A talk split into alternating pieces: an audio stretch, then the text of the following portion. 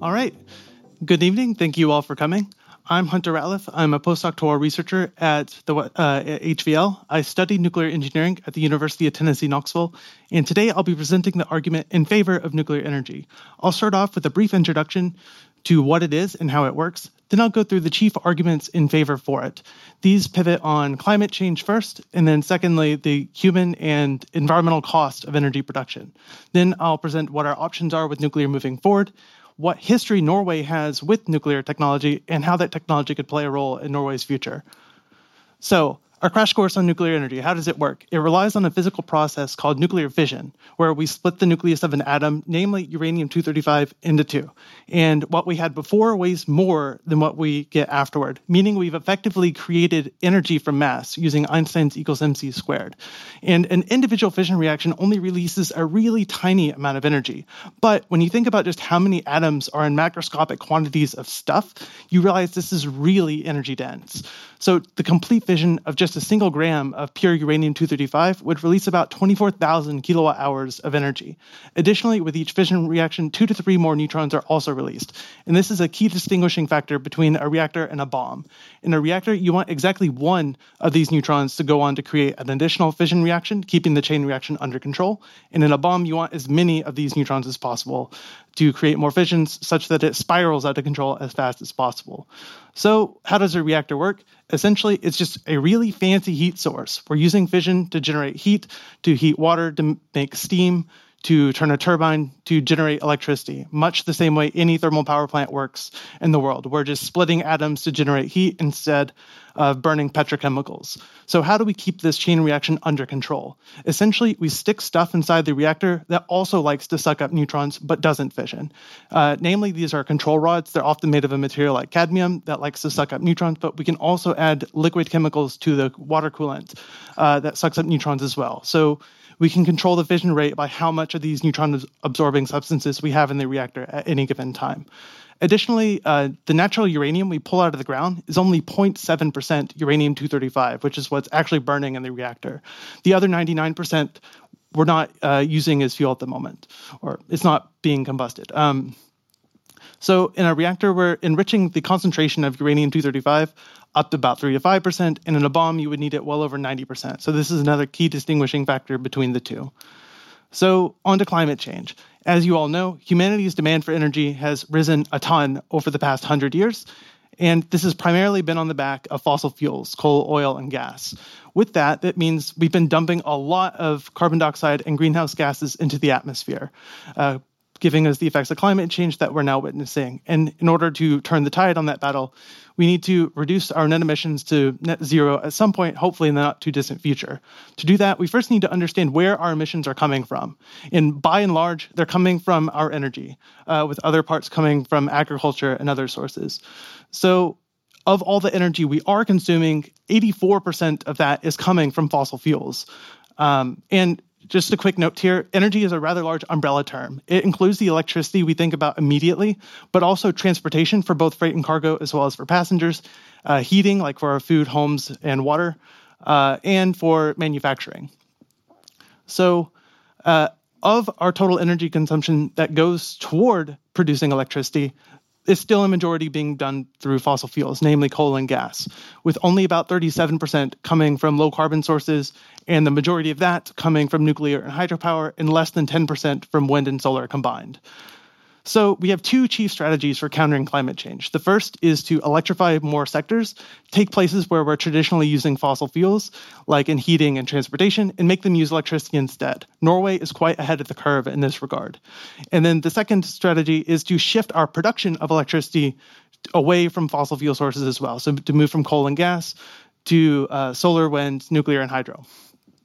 So, what is nuclear's role in the electricity production? To get into that, we first need to understand a little bit about how the electricity grid works. Uh, so, essentially, the amount of electricity being supplied to the grid needs to constantly match the demand being put on the grid. But the demand for electricity changes as a function of time throughout the day. But we can essentially think of the total demand as being composed of two components. You have this base load amount, which is constant, that you always need all the time. And then you have essentially just everything else that sits above that. Uh, and we can think of this as peak demand or peak load. One other thing to consider is that some of our sources of electricity are also a bit variable with time. So, solar and wind in particular can vary from hour to hour and depending on the weather. And all solar, wind, and hydro uh, are seasonally dependent, seasonally variable depending on the time of year. So, for our grid, we need a high volume of consistent and reliable power.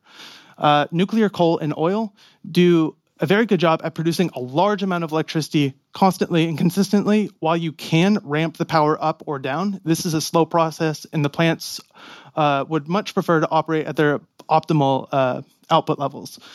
Then you have hydro and natural gas, which can also produce uh, lots of energy of electricity consistently, but have the added bonus of being pretty flexible, meaning you can tune up the and down the production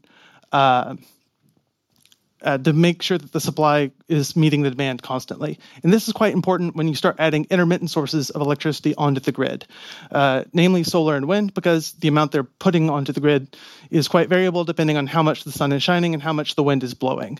Uh, so that can be quite jagged on the supply curve.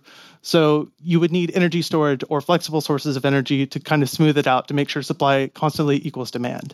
Another important factor is that nuclear is our most reliable power source. This is quantified with a metric called the capacity factor.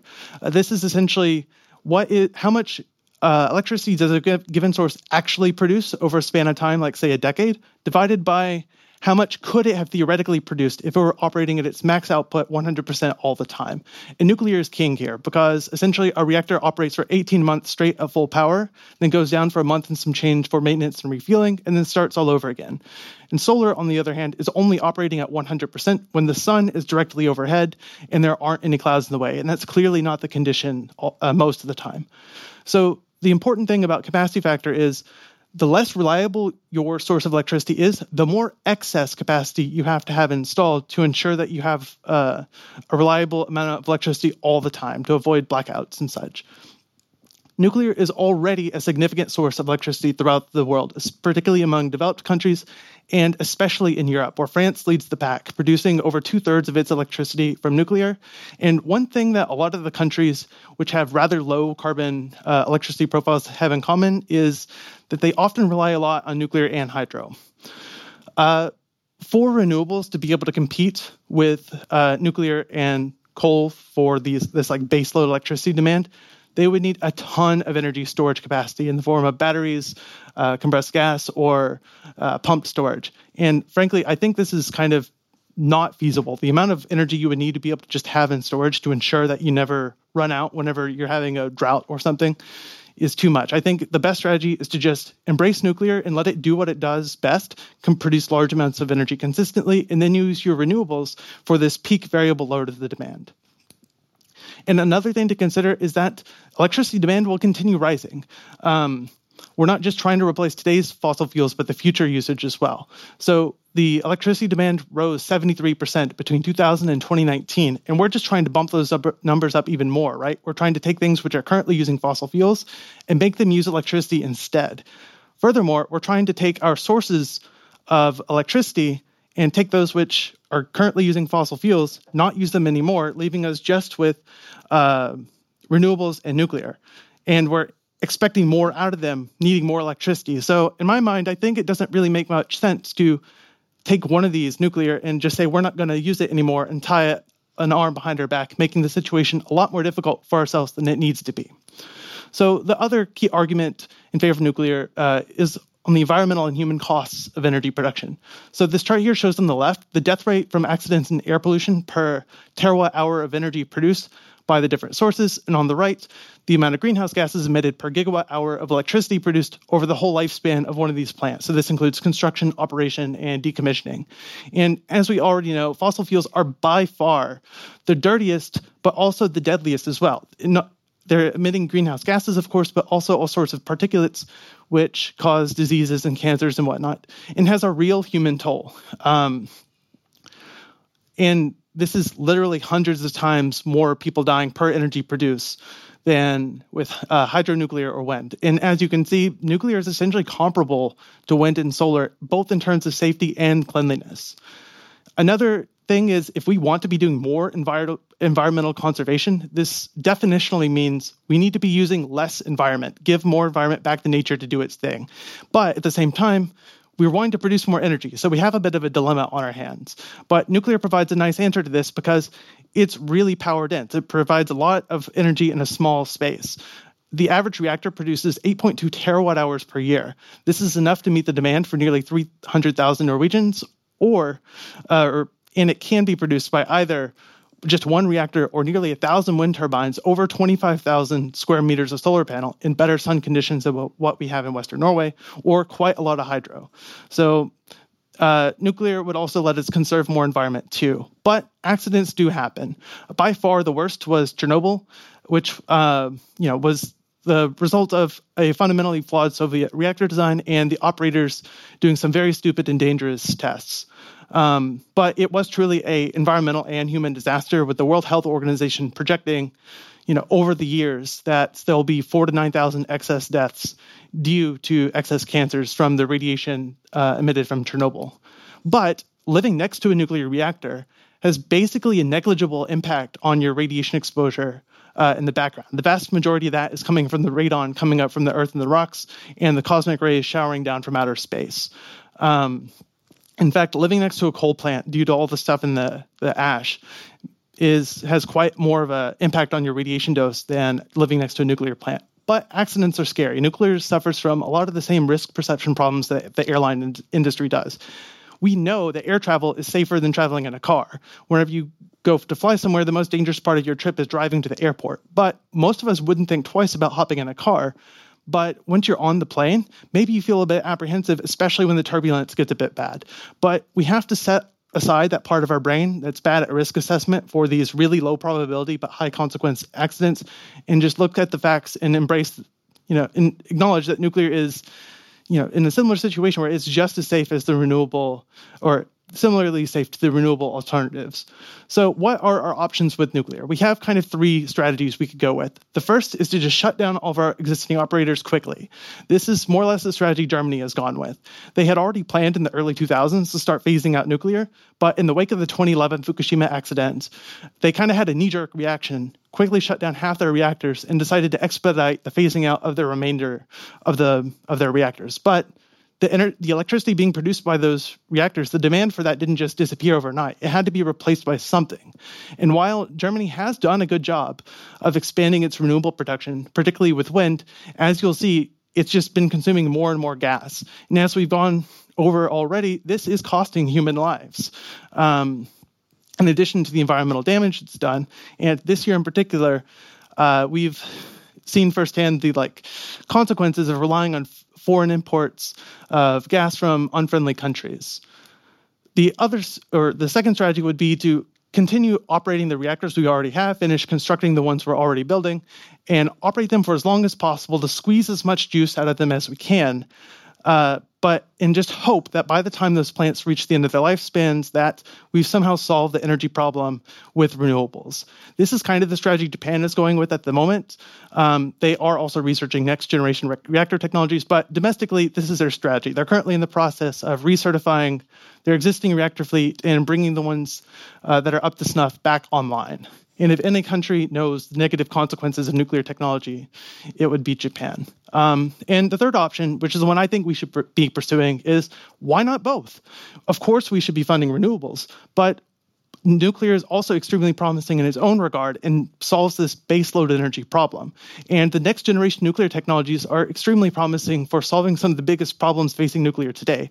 For instance, the small modular reactor design, uh, and the one particularly coming from NuScale, which was just approved by the U.S. Nuclear Regulatory Commission a few weeks ago, um, seeks to solve nuclear's big cost problem that's particularly uh, major in the West by providing small, mass manufacturable, inherently safe, and easily transportable uh, reactors, which is quite important. It lets you put the source of electricity closer to where the electricity is being consumed, so you're not wasting as much. Uh, you're not wasting as much of it just pushing it down the line over long distances. Another technology being looked into are uh, fast and breeder reactors. So I mentioned earlier that 99% of the uranium we're just not using. Well, you can burn that in a fast reactor. So suddenly the uh, supply of nuclear fuel has skyrocketed furthermore, uh, in a breeder reactor, you can use thorium as well. Uh, and thorium being more abundant than uranium, again, skyrockets the amount of uh, available fuel to us. Additionally, uh, in these fast reactors, they're capable of burning the nastiest of the nuclides, the longest lived nuclides in uh, nuclear fuel. So, what you end up pulling out is less long lived, less dangerous, and easier to process.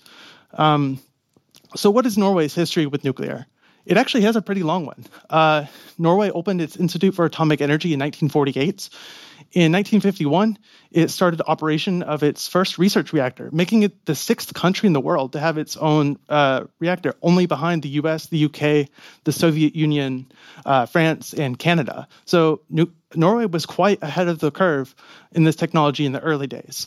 So uh, Norway had its two research reactors in Kjeller and Halden. Eventually, the first one was replaced by a second iteration. And in 1969, the parliament approved planning uh, for developing nuclear energy in Norway. And there were actually quite involved plans for finding a site to put a reactor in the Oslofjord area. However, in 1979, Norway ultimately decided against pursuing this, uh, largely to favor hydro instead realizing that it could meet the country's needs.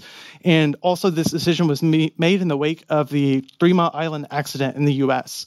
And while the Three Mile Island accident wasn't like a radiological or ecological disaster, uh, it was definitely a reputational disaster for nuclear. And in 2018, the last two research reactors, which were online in Norway and Kjeller and Halden, were finally shut down for the last time. And this year, the government did say that they wish to continue funding nuclear research with 25 million kroner, just to make sure that the country maintains this expertise. And while our neighbors use nuclear technology too, so it might be able might be nice to be able to export that knowledge. And one thing to note is since Norway does have this history with nuclear, we have the legal framework for constructing, licensing, and operating a reactor already here. So that really lowers the barrier to entry if we wanted to start a domestic nuclear energy sector. So is it a good fit for Norway, though, and for Vestlandet in particular? One thing we have to note is that Norway is kind of an anomaly in the developed world, in that it's the only highly developed economy that can get 90% of its juice or more from hydro alone. It's very naturally blessed with water. But Norway is also really naturally blessed with thorium, having some of the largest reserves in the world. Uh, and from an energy security perspective, it's nice to know that the uranium reserves in the world as well are in large part held by friendly democracies like Australia and Canada. Um, looking at Vestlandet specifically, honestly, it ticks a lot of the boxes for what makes for a good reactor site. While the population is pretty uh, densely concentrated in the cities, otherwise it's fairly sparse. Uh, there is land available, granted the terrain is challenging, but the, there's also a large availability of cold cooling water, meaning any reactor we did construct would be operating at really high thermal efficiencies. Additionally, Norway is pretty safe. We don't have to worry about natural disasters very much here. The earthquake risk is quite low. And since we would be building a new reactor next to a large waterway, anyways, um, we would have a relatively easy or straightforward time transporting materials to and from. So, where would nuclear fit into our energy mix? Uh, it would end up being in the baseload portion.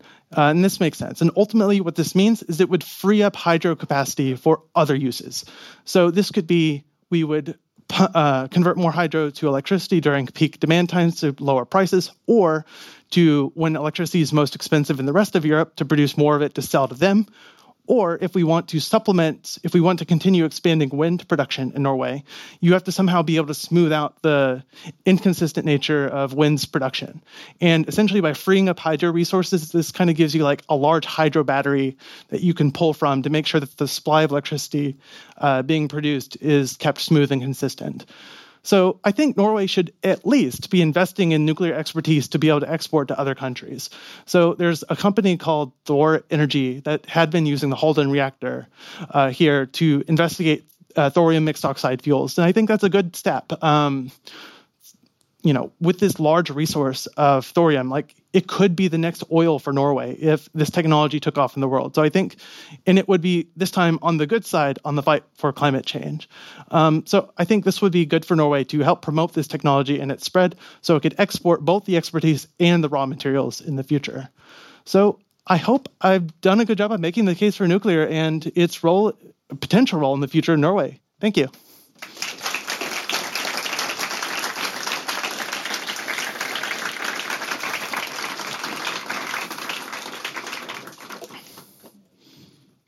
Okay?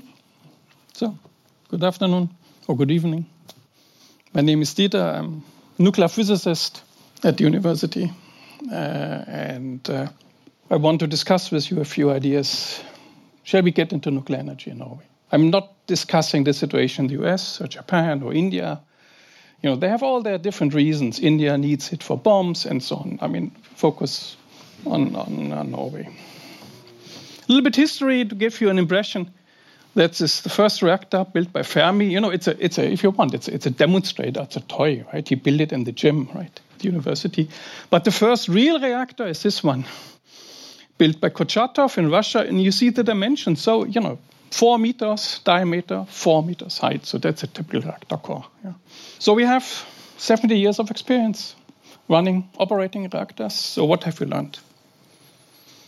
A busy slide. Just want to show you what do we need to build a reactor? We need fuel. Nuclear fuel, fissile material, and uranium-235.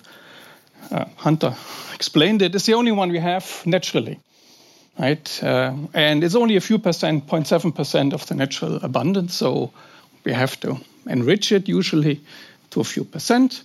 There are other isotopes which, in principle, could sustain a chain reaction. This is uranium-233 and plutonium which have so short lifetimes, they're all gone, right? So we have to produce them newly, I mean, in a reactor. And that's the idea, I mean, you know, of breeding nuclear fuel. Yeah. I will discuss it a little bit, right? If, if it's possible or not, or what the costs are. So this is a fuel cycle, and then the reactor technology. You can build or design different reactors which diff operate differently, and there are two different ones. One is a thermal reactor, where the neutrons coming out of the fission process have to be slowed down because uranium likes its neutrons slow to capture them. Or you can build fast reactors where the neutrons are captured as they come out. Right? So they're principally two different reactors. So you need then, in addition, I mean, to the fuel in these reactors, you need a coolant because we need to get the heat out of the reactor core into a turbine. I mean, to do work fast, produce electricity. And for the thermal reactors, we need some material which slows down the neutrons without capturing them, and that's called a moderator. And most of the reactors nowadays use water. Water as a coolant, you know, as a steam engine, right? You know, invented by Watt 300 years ago. That's a modern version. And, and, uh, and we use also water to slow the neutrons down. Yeah, so water and fuel, that's it, right, for 99% of all reactors. So what we have, have we learned about nuclear energy over the last, let's say, 50, 70 years, it's complex. It's a complex technology and has many risks. I mean, there are classically four key problems operational accidents. We have a shortage of the natural uranium. It will run out maybe in 20 years, 40 years, 80 years, but the, the easy, accessible, and, and you know, cheap ways to, to uh, get it uh, are limited. But then, I mean, we might have ideas to use thorium, especially in Norway, and uh, you know uranium-238 to breed these isotopes. Another what, question mark, I will show you why there's a question mark. Waste management, what do we do with spent fuel? I show you a problem. And if you have nuclear energy and you have nuclear weapons, right? They always come, come together. So this is a problem. I mean, think about what happens today, right? So we have a new arms race, right? All the nations increase their stockpile of nuclear weapons, and yeah, it's it's it's a disaster. Okay, let's go step by step. Operational accidents. So there are two different kinds. One is a criticality accident, uh, accident, what happened in Chernobyl by mistake, human mistake.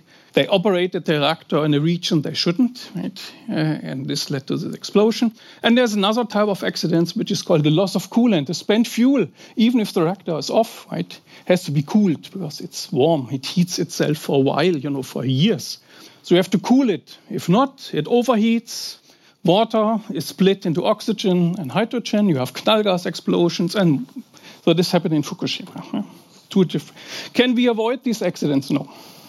I mean, we, what we can do, we can do damage control. We can try to, to prevent radioactivity getting out of the reactor, getting out of the plant, or at least contain it locally in the region, right? Yeah, I mean, in, Fuku- in, in Chernobyl, I mean, it reached Norway, right? So it's a global disaster. And this we should avoid. And I think this is possible. But in, in principle, critical accidents you can never exclude. Yeah, I mean, that's the way reactor operates. Now, let's do an estimate of this, the consequences of, of Chernobyl. One, one to two percent of the invent- radioactive inventory was released into the atmosphere. I mean, large parts of Europe were contaminated, and the collective dose to the northern hemisphere mainly, northern, eastern, and central Europe, I mean, is measured in sieverts, so it's a number how we measure the dose to human beings. So this is 600,000 person sieverts, and now you can access, you can estimate how many fatal cancer this causes, and you see the estimates. So it's between 20 and 60,000, and this is in peer-reviewed medical journals, right? Don't listen to IAA or, or FN. They are lobby organizations. I mean, you have to look it up in peer-reviewed medical. Okay, so now this is based on a model. I mean, you can never identify case by case, right? You only can estimate the number of deaths. This is based on this model, and now is this model true or not? I show you a recent, recent means 10 years old study. The question is very low dose, natural background, right? Or the, the dose we get from Chernobyl. Can it cause cancer or not? Or the other question is Is there a threshold in radiation damage? And the answer is no. Every little bit of dose does damage. And this was proven, proven, it was shown in an epidemiological study in Australia and in NHS, the English health system. What they did, I mean, when the CTs became available in the 80s, every child got a CT scan. Right? It was new, brand new tool, and the old machines at a high dose, yeah, many many millisieverts.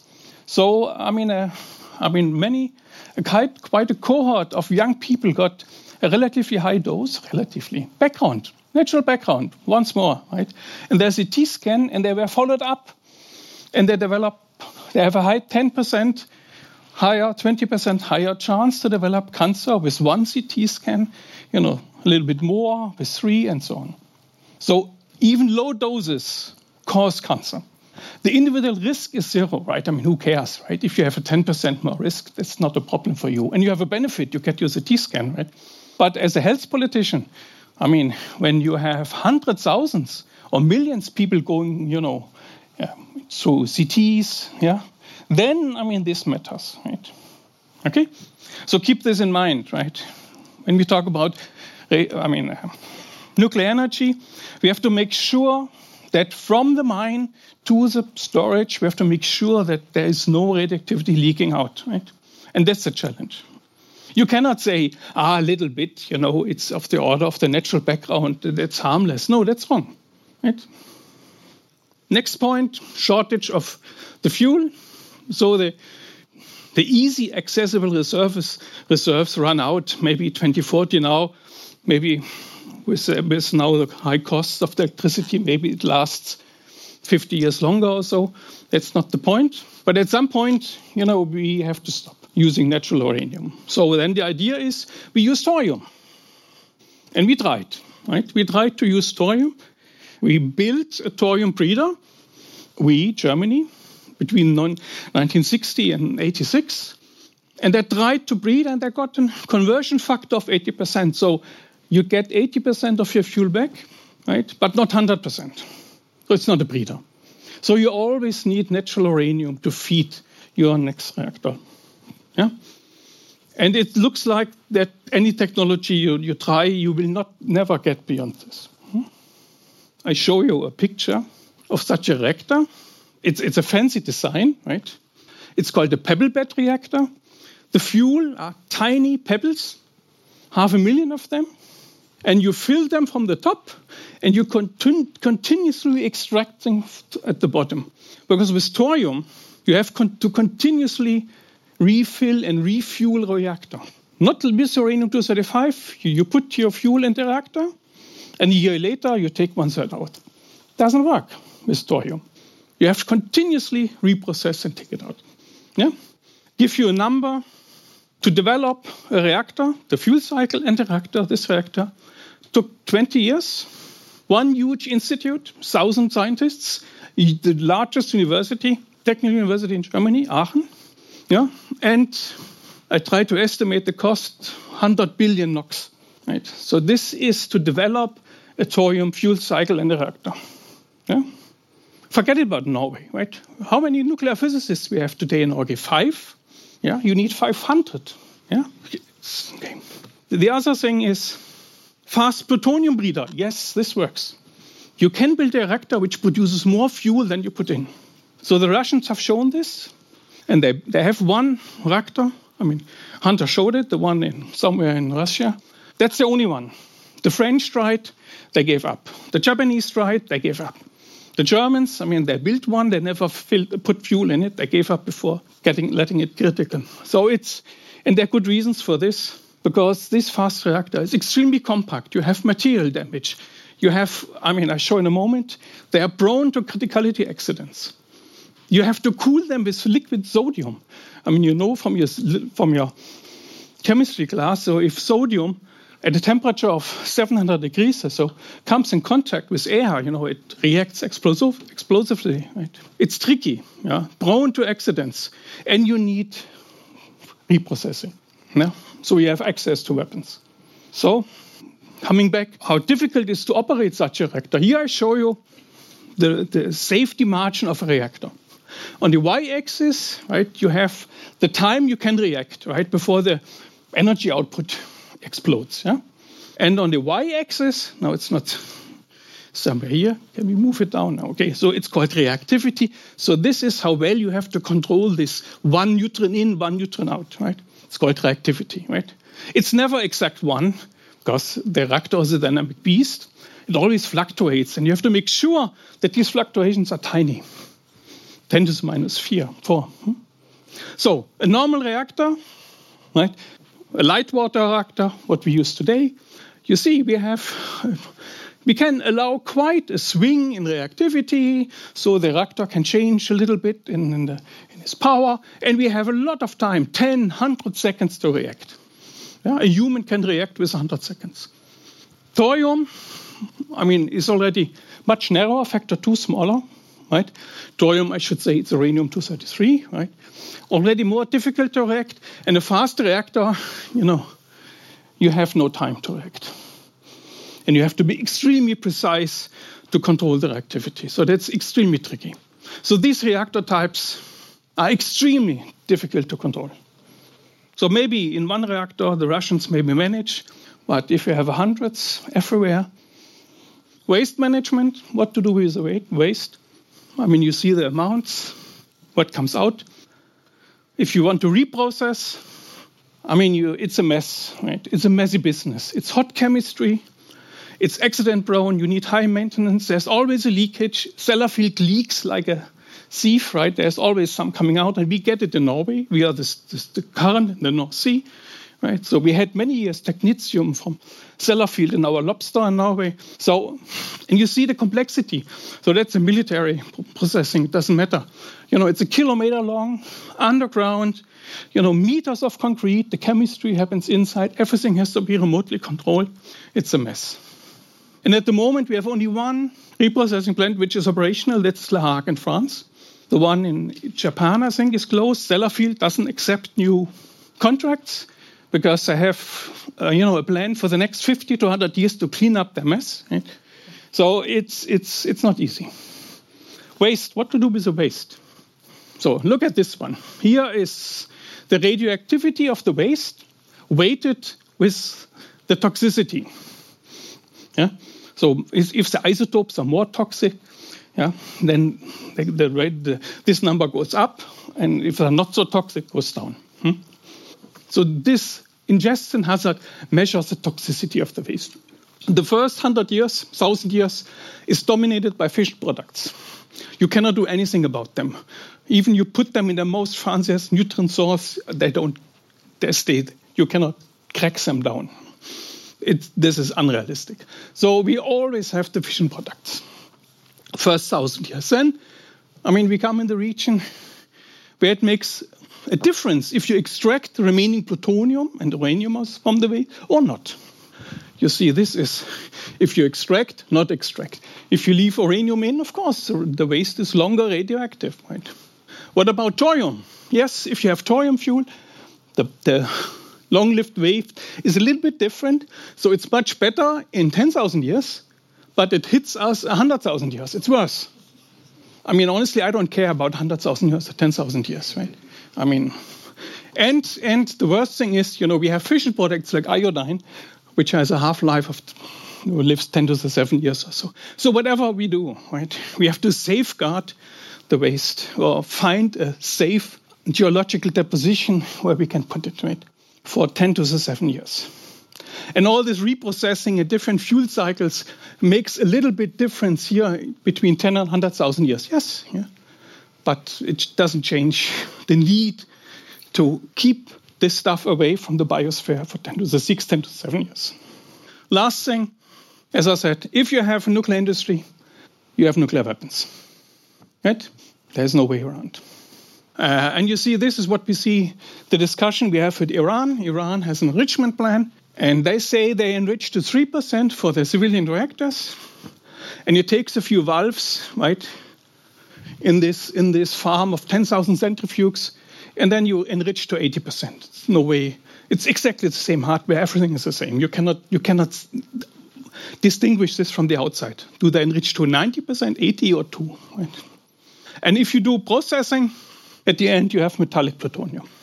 Yeah, so this is plutonium. You can do whatever you want, or yeah, you, you know what I mean. Yeah, then you have a weapon.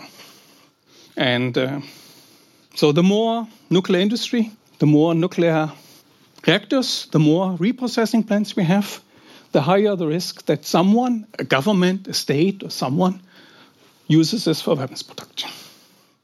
So let me summarize. We have some, some experience with uranium 235. It's okay.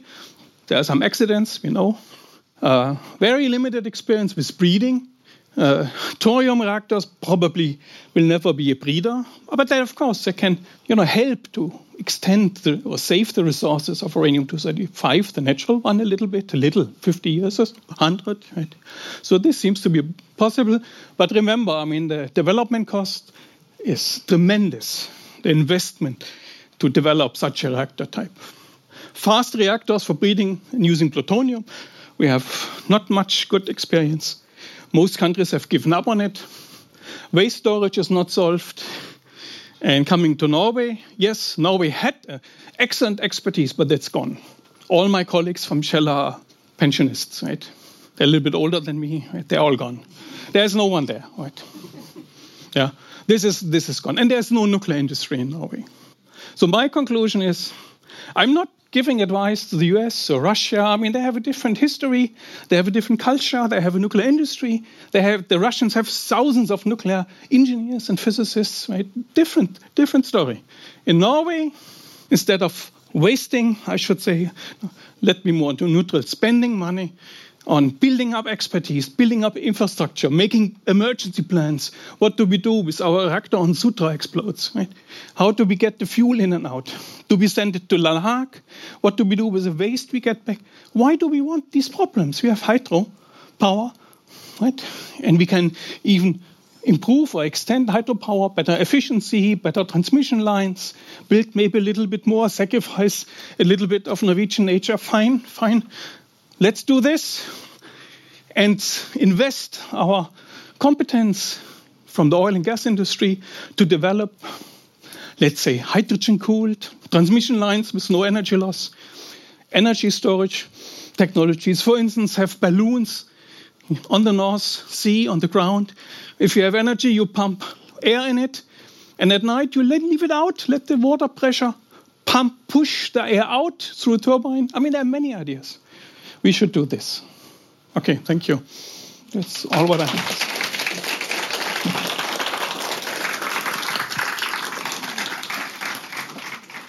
Akademisk lunsj onsdager klokka tolv på Bergen offentlige bibliotek, eller når du vil på bergenbibliotek.no, eller der du lytter til podkast.